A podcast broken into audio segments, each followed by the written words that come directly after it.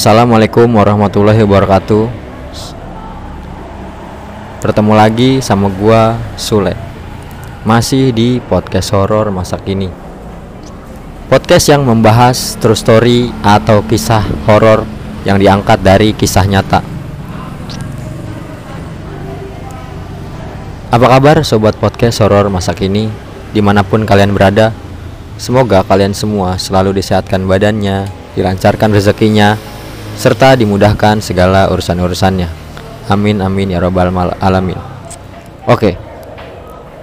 Di podcast horor masa kini kali ini gue mau membahas tentang kisah horor yang terjadi di Mega Mall Tangerang.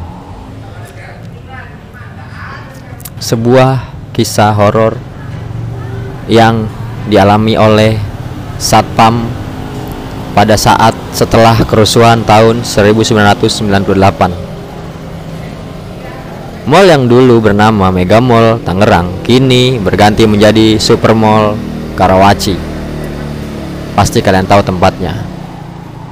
Buat kalian yang penasaran tentang ceritanya, saksikan terus dan dengarkan di podcast horor masa kini. Sebelum gue lanjut ke ceritanya, Gak lupa juga gue mau mengingatkan untuk subscribe dan share di instastory kalian masing-masing. Gue hitung 1 sampai 3. 1 2 3. Oke, mantap. Terima kasih yang sudah mau mensupport channel dan podcast gue di podcast horor masa gini. Daripada kalian menunggu lama, mending kita langsung aja ke ceritanya. Not, gua di sini sebagai sang penulis.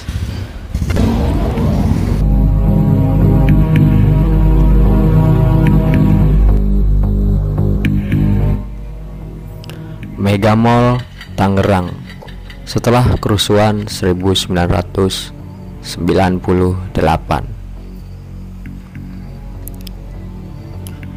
Buat yang tinggal di Tangerang dan kelahiran tahun 1995 ke bawah pasti tahu mall ini. Salah satu mall yang menjadi korban penjarahan saat kerusuhan Mei 98. Kebetulan mall ini dekat banget sama rumah gua dan tahu saat kejadian ini sedang berlangsung. Ini adalah kisah yang dialami oleh salah satu tetangga gua yang bekerja di mall tersebut setelah kejadian kebakaran hebat yang hampir menghanguskan seluruh gedungnya. Sekali lagi, gue gak peduli mau percaya apa enggak karena itu hak kalian masing-masing.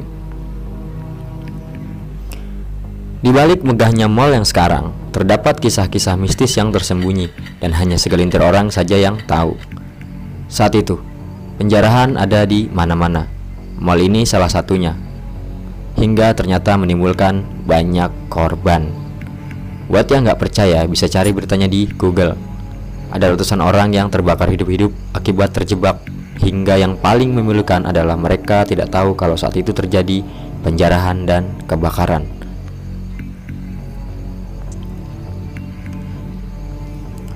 Setelah kerusuhan dan penjarahan usai, para petugas pemadam kebakaran masih berjibaku memadamkan api. Pak Mul nama samaran. Beruntung saat kerusuhan tersebut dia sedang mendapatkan jatah libur hingga akhirnya dia ditugaskan untuk menjaga toko-toko yang masih tersisa.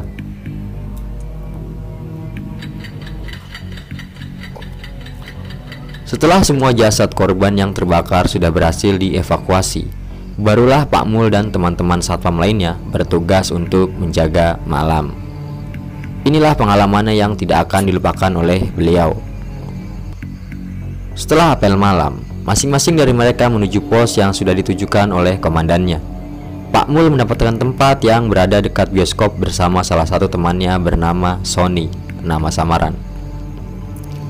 Pak Mul sudah feeling pasti akan mengalami hal-hal yang menakutkan. Apalagi beliau berjaga setelah kejadian yang mengerikan hingga menimbulkan banyak korban.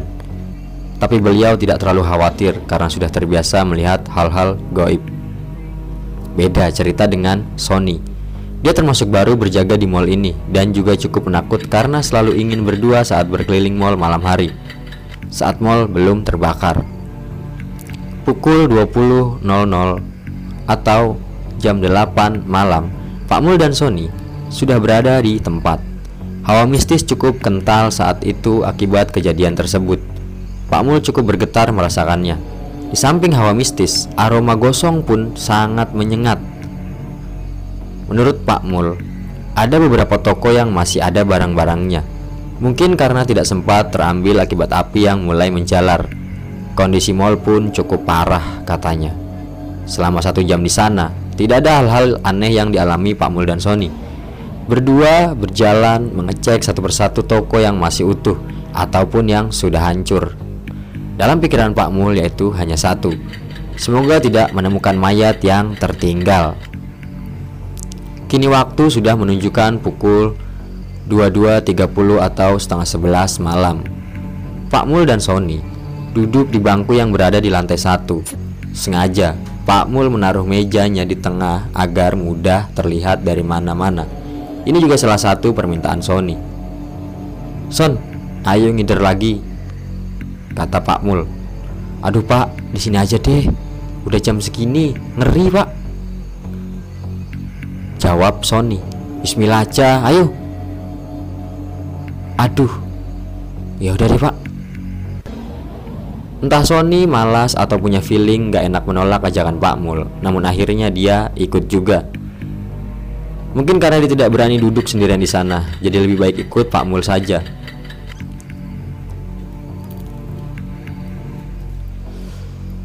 Awalnya tidak ada yang aneh, hanya suara hening yang Pak Mul dan Sony dengar, hingga akhirnya keanehan mulai terjadi. Saat Pak Mul dan Sony berjalan, terdengar suara barang bergeser dari toko depannya. Mendengar itu, Pak Mul dan Sony saling tatap muka memastikan kalau mereka berdua mendengarnya. Suaranya seperti meja yang digeser.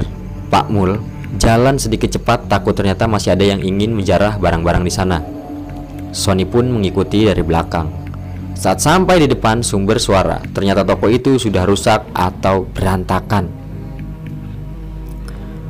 Pak Mul menggunakan senternya ke arah dalam toko untuk memastikan dan ternyata tidak ada apa-apa. Di situ pun Pak Mul merasakan hembusan angin yang dingin melewati tubuhnya. Beliau sudah feeling, pasti kena iseng. Dia melihat wajah Sony yang sedikit menegang, mungkin karena takut. Gak ada apa-apa Son, ayo lanjut jalan. Saat sudah 10 langkah berjalan, kembali ada bunyi dari toko tersebut. Suara yang sama seperti sebelumnya. Pak Mul dan Sony penasaran dari mana asal suara tersebut.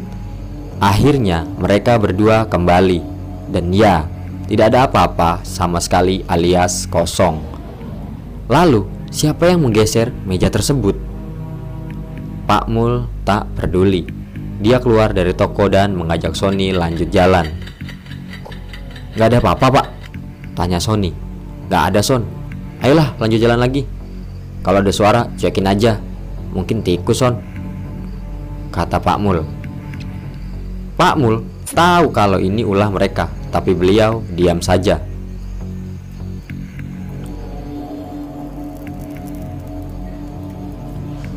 Belum melangkah meninggalkan toko, Sony yang masih penasaran asal suara tersebut menggunakan senternya ke arah dalam toko dan benar saja.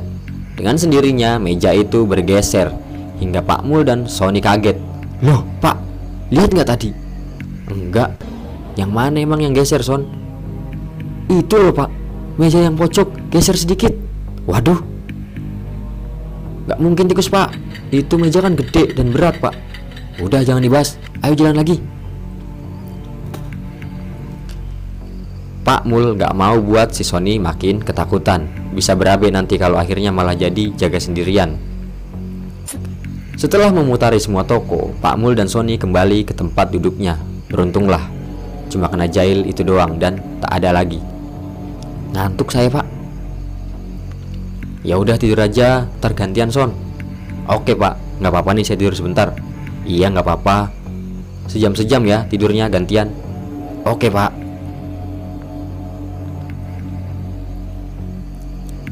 Pak Mul pun iseng karena jaga sendirian Tidak ada teman untuk ngobrol Hampir setengah jam Sony tertidur Pak Mul hanya duduk diam saja sembari memainkan senternya ke arah toko depan dia Saat lampu senter dia sorot ke lantai dua, sekilas melewati sebuah bentuk badan. Pak Mul sadar, dia baru saja menyorot bentuk manusia. Dia takutnya itu orang yang mau menjarah kembali. Pak Mul balik sorot tempat itu, dan ternyata itu adalah sosok perempuan yang sedang berdiri membelakangi Pak Mul. Memakai baju putih dan rambutnya acak-acakan. Melihat itu, Pak Mul sadar kalau itu bukan manusia, Hingga akhirnya dia langsung menyorot ke tempat lain. Waduh, udah mulai gak beres nih, kata Pak Mul. Setelah itu ada bobo melati yang cukup menyengat. Bulu kuduk Pak Mul mulai berdiri. Dia tahu ada sosok yang mendekat. Feeling dia pasti ada di belakangnya, tapi Pak Mul nggak berani untuk menoleh ke belakang. Untuk mengusir sedikit rasa takutnya, dia bangun dari tempat duduk dan membuat suara-suara ketukan agar tidak terlalu sunyi. Namun, ada yang aneh. Setiap ketukan selesai, Pak Mul mendengar suara tawa kecil. Beliau pukul-pukul lagi untuk meyakinkan apa itu benar suara tawa atau hanya halusinasi saja. Saat ketukan selesai, kembali Pak Mul dengar suara tawa itu namun semakin jelas. Ternyata suara itu berasal dari sosok yang terkena sorot senter tadi di lantai dua. Pak Mul tak peduli, beliau iseng berjalan-jalan di sekitar situ. Kini, Pak Mul berada di tengah mall tersebut. Ada dua eskalator yang sudah mati di depannya. Dan lagi, beliau melihat sesuatu turun melalui eskalator tersebut. Sebuah bayangan hitam dan pendek turun dari atas seakan eskalator tersebut hidup, padahal sudah mati. Sosok itu turun perlahan-lahan. Dari situ Pak Mul tidak sadar. Badan Pak Mul bergetar untuk pertama kalinya bagi beliau melihat penampakan dengan jarak sedekat ini. Walau begitu, Pak Mul masih dapat menggerakkan badannya dan berbalik ke arah mejanya. Dia melihat Sony masih tertidur pulas. Ada rasa tidak tega untuk membangunkannya, namun Pak Mul tak ingin mengambil resiko kalau nantinya terjadi apa-apa dan meninggalkan Sony sendirian di sana. Son, bangun Son.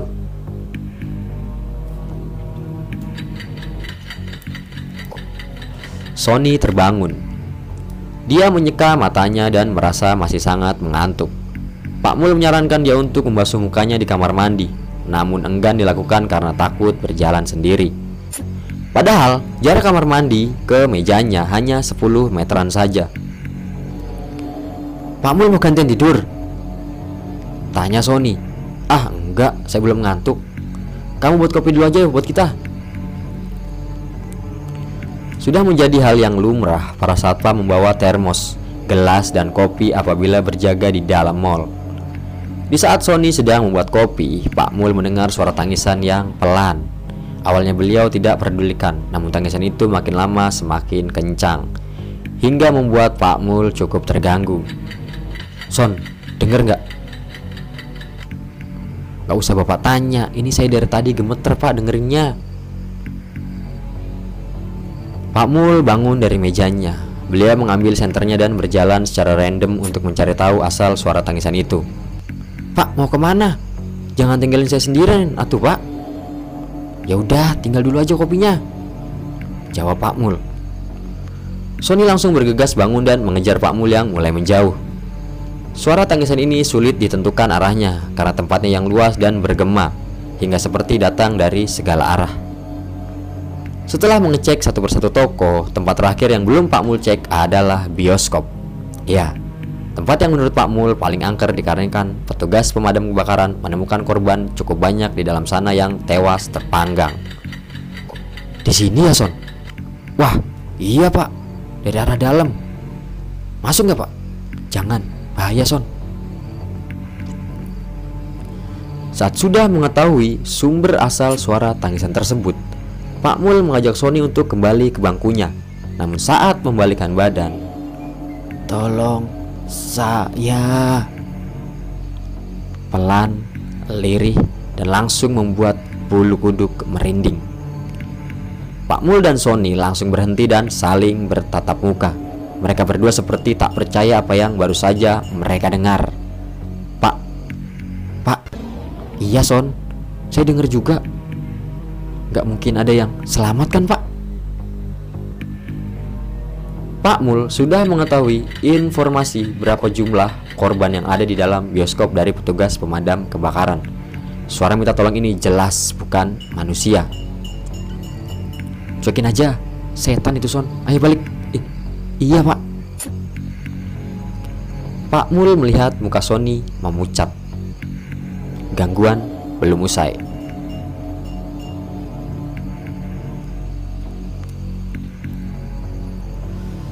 Saat Pak Mul dan Sony turun melalui eskalator yang mati, entah dari mana asalnya ada angin yang berhembus dan dingin sekali. Seketika itu, Pak Mul merasa merinding. Begitupun Sony yang langsung melihat ke arah Pak Mul. Pak, Pak, baca-baca Son, baca-baca. Pak Mul tahu, apabila ada hembusan angin dan terasa dingin, salah satu pertanda ada makhluk yang cukup kuat akan datang. Tiba-tiba, Sony yang di samping Pak Mul terlihat seperti ingin terjatuh. Lebih tepatnya, seperti terdorong dari arah belakang. Astagfirullah. Gak apa-apa, Son. Sumpah, Pak. Ada yang dorong saya dari belakang. Istighfar, Son. Istighfar. Belum selesai gangguan ke Sony, tiba-tiba Pak Mul mendengar suara heruk pikuk. Beliau merasa berada di kerumunan banyak orang. Suara itu jelas sekali. Hawa di sekitar Pak Mul pun terasa menghangat dan mual. Pak Mul langsung mempercepat langkah kakinya turun dari tangga. Sony pun mengikuti Pak Mul berlari kecil menuju mejanya. Sesampainya di meja, Pak Mul dan Sony terdiam berdua. Tak ada sepatah kata pun keluar dari mulut mereka. Hingga akhirnya, suara tangisan bayi memecah keheningan Pak Mul dan Sony. Arah suara itu berada di toko depan persis tempat duduk mereka. Pak Mul kemudian mengambil senternya dan menyorotkan ke arah toko tersebut. Son, lihat. Enggak pak, saya nggak berani. Saya udah nggak kuat pak. Pak Mul melihat wajah Sony sudah semakin pucat dan gemetar. Beliau takut Sony kerasukan makhluk yang ada di sana. Son, kamu sekarang minum dan baca-baca biar tenang. Eh, iya pak. A ada apa di toko itu pak? Kamu lihat aja sendiri. Enggak pak, makasih. Jelasin aja pak, saya penasaran. Aduh, gimana kamu sih? Nih, center saya lagi nyorot bayi tiduran di lantai. Tapi Tapi apa pak? Gak ada badannya setengah. Hah? Setengah gimana pak? Hanya ada kepala sama badannya. Sisanya ke bawah gak ada. Allahu Akbar. Gosong son. Pak Mul memperjelas bentuknya. Kulitnya gosong. Kepalanya seperti hancur setengah sampai wajah dan terlihat hanya satu matanya Yang membuat ngeri adalah bayi tersebut seperti menatap Pak Mul dengan satu matanya dan berwarna merah, seperti meminta tolong. Kamu udah enakan Son? Udah pak. Berjaga di tempat yang habis mengalami peristiwa tragis bukanlah hal yang mudah. Pasti akan banyak gangguannya hasil dari rekaman dimensi lain. Saat kebakaran terjadi, tidak ada yang tahu bagaimana kondisi di dalam saat itu. Hal inilah yang terkadang hasil rekaman-rekaman tersebut seperti terulang. Alam seakan ingin memberitahu apa yang terjadi saat itu ke Pak Mul. Saat situasi sudah cukup sedikit tenang, mereka berdua dikagetkan dengan suara jatuh yang sangat keras. Buak! Suara itu berasal dari lantai atas. Awalnya Pak Mul ingin mengeceknya, namun beliau urungkan karena badannya sudah sedikit lelah. Sony pun sepertinya tidak akan mau apabila kembali diajak untuk melihatnya. Menurut Pak Mul, makin malam auranya semakin kuat. Beliau merasakan merinding yang seperti tidak ada henti-hentinya. Ini adalah pengalaman pertama kalinya beliau merasa seperti berada dalam keadaan ketakutan. Memang tidak bisa dipungkiri, efek dari aura yang mistis pasti akan ada sesuatu yang terjadi, entah penampakan, bunyi suara hingga sentuhan goib. Setelah suara benda jatuh tadi, suasana kembali hening. Pak Mul mengajak Sony untuk berbincang agar Sony tidak terlalu memikirkan kejadian-kejadian yang tadi. Sengaja juga Pak Mul mengobrol agar pikirannya tidak kosong. Apabila kosong, setan dapat dengan mudah memasuki badan kita.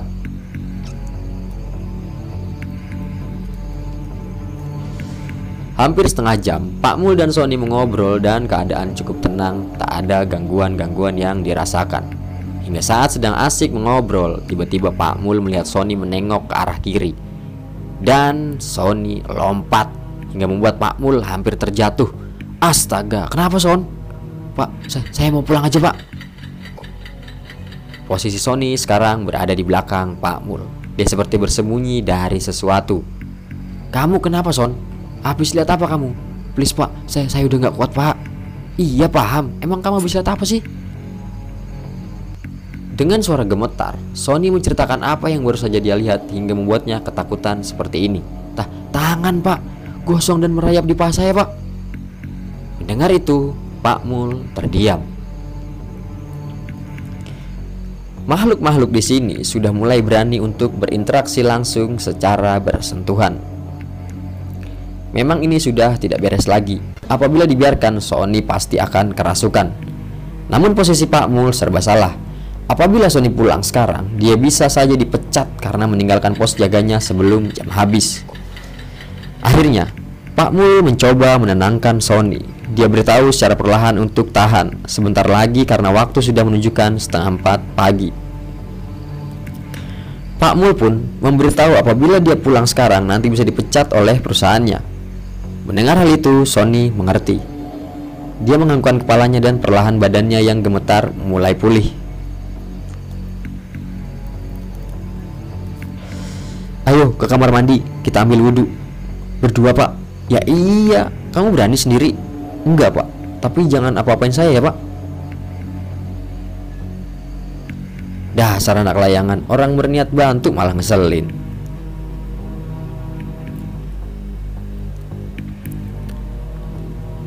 Jalan menuju kamar mandi itu seperti lorong. Posisi kamar mandinya pun ada di ujung lorong tersebut. Saat memasuki lorong, Pak Mul merasa hawa yang berbeda di sana. Dalam hatinya, Pak Mul menduga-duga pasti akan terjadi sesuatu. Dan benar saja, belum sampai kamar mandi, mereka berdua melihat ada laki-laki yang sedang bersih-bersih di lantai. Melihat itu, Pak Mul dan Sony berhenti. Apa mungkin itu manusia beneran?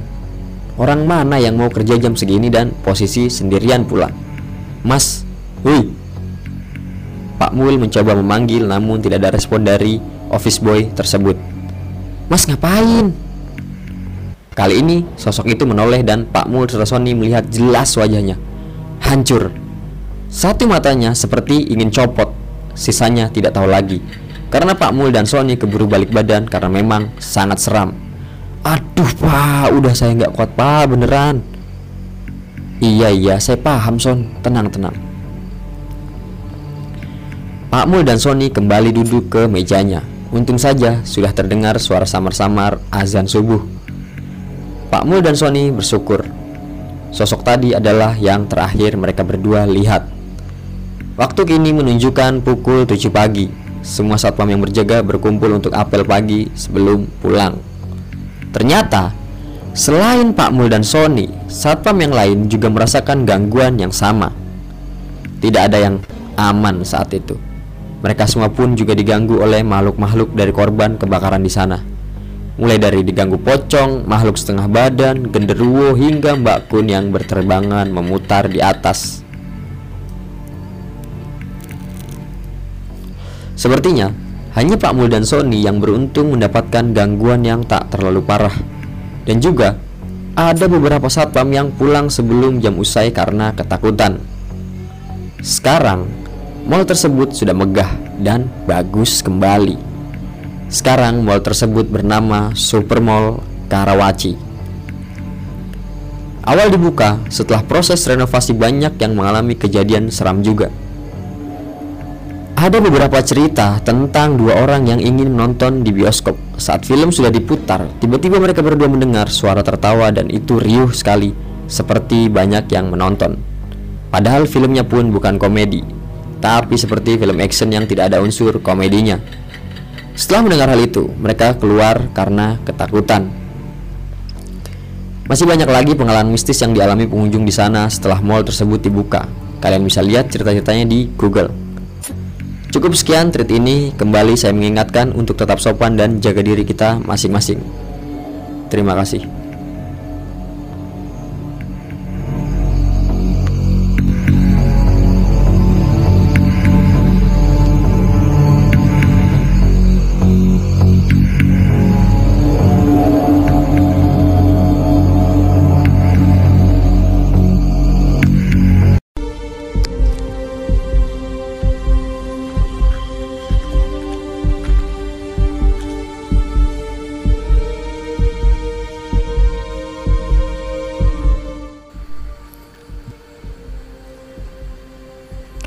Nah, itu tadi cerita dari Mega Mall Tangerang setelah kerusuhan tahun 98. Gimana sobat podcast horror masa kini? Ceritanya sangat menyeramkan kan? Apalagi setelah kejadian tahun 98 itu. Menurut gue ini serem banget nih. Soalnya setelah kerusuhan terus Pak Mul sebagai satpam langsung jaga malamnya. Pasti hal mistis atau horor yang jahil yang langsung. Wah nggak kebayang juga gua kalau jadi satpam di sana. Bisa lari. Saking ngeri merinding. Nah untuk kalian yang ingin membaca tweetnya bisa langsung di follow akun twitternya yang bernama Fauzi Nur Fajri. Ntar gue kasih juga link di bawah. Mungkin segitu dulu di episode kali ini di podcast horror masa kini. Semoga kita bertemu lagi di episode-episode selanjutnya dengan cerita yang membuat bulu kuduk kalian merinding, bikin penasaran, serta teror-teror yang gak kalah menyeramkan. Gua Sule. Selamat malam dan sampai berjumpa lagi. Assalamualaikum warahmatullahi wabarakatuh.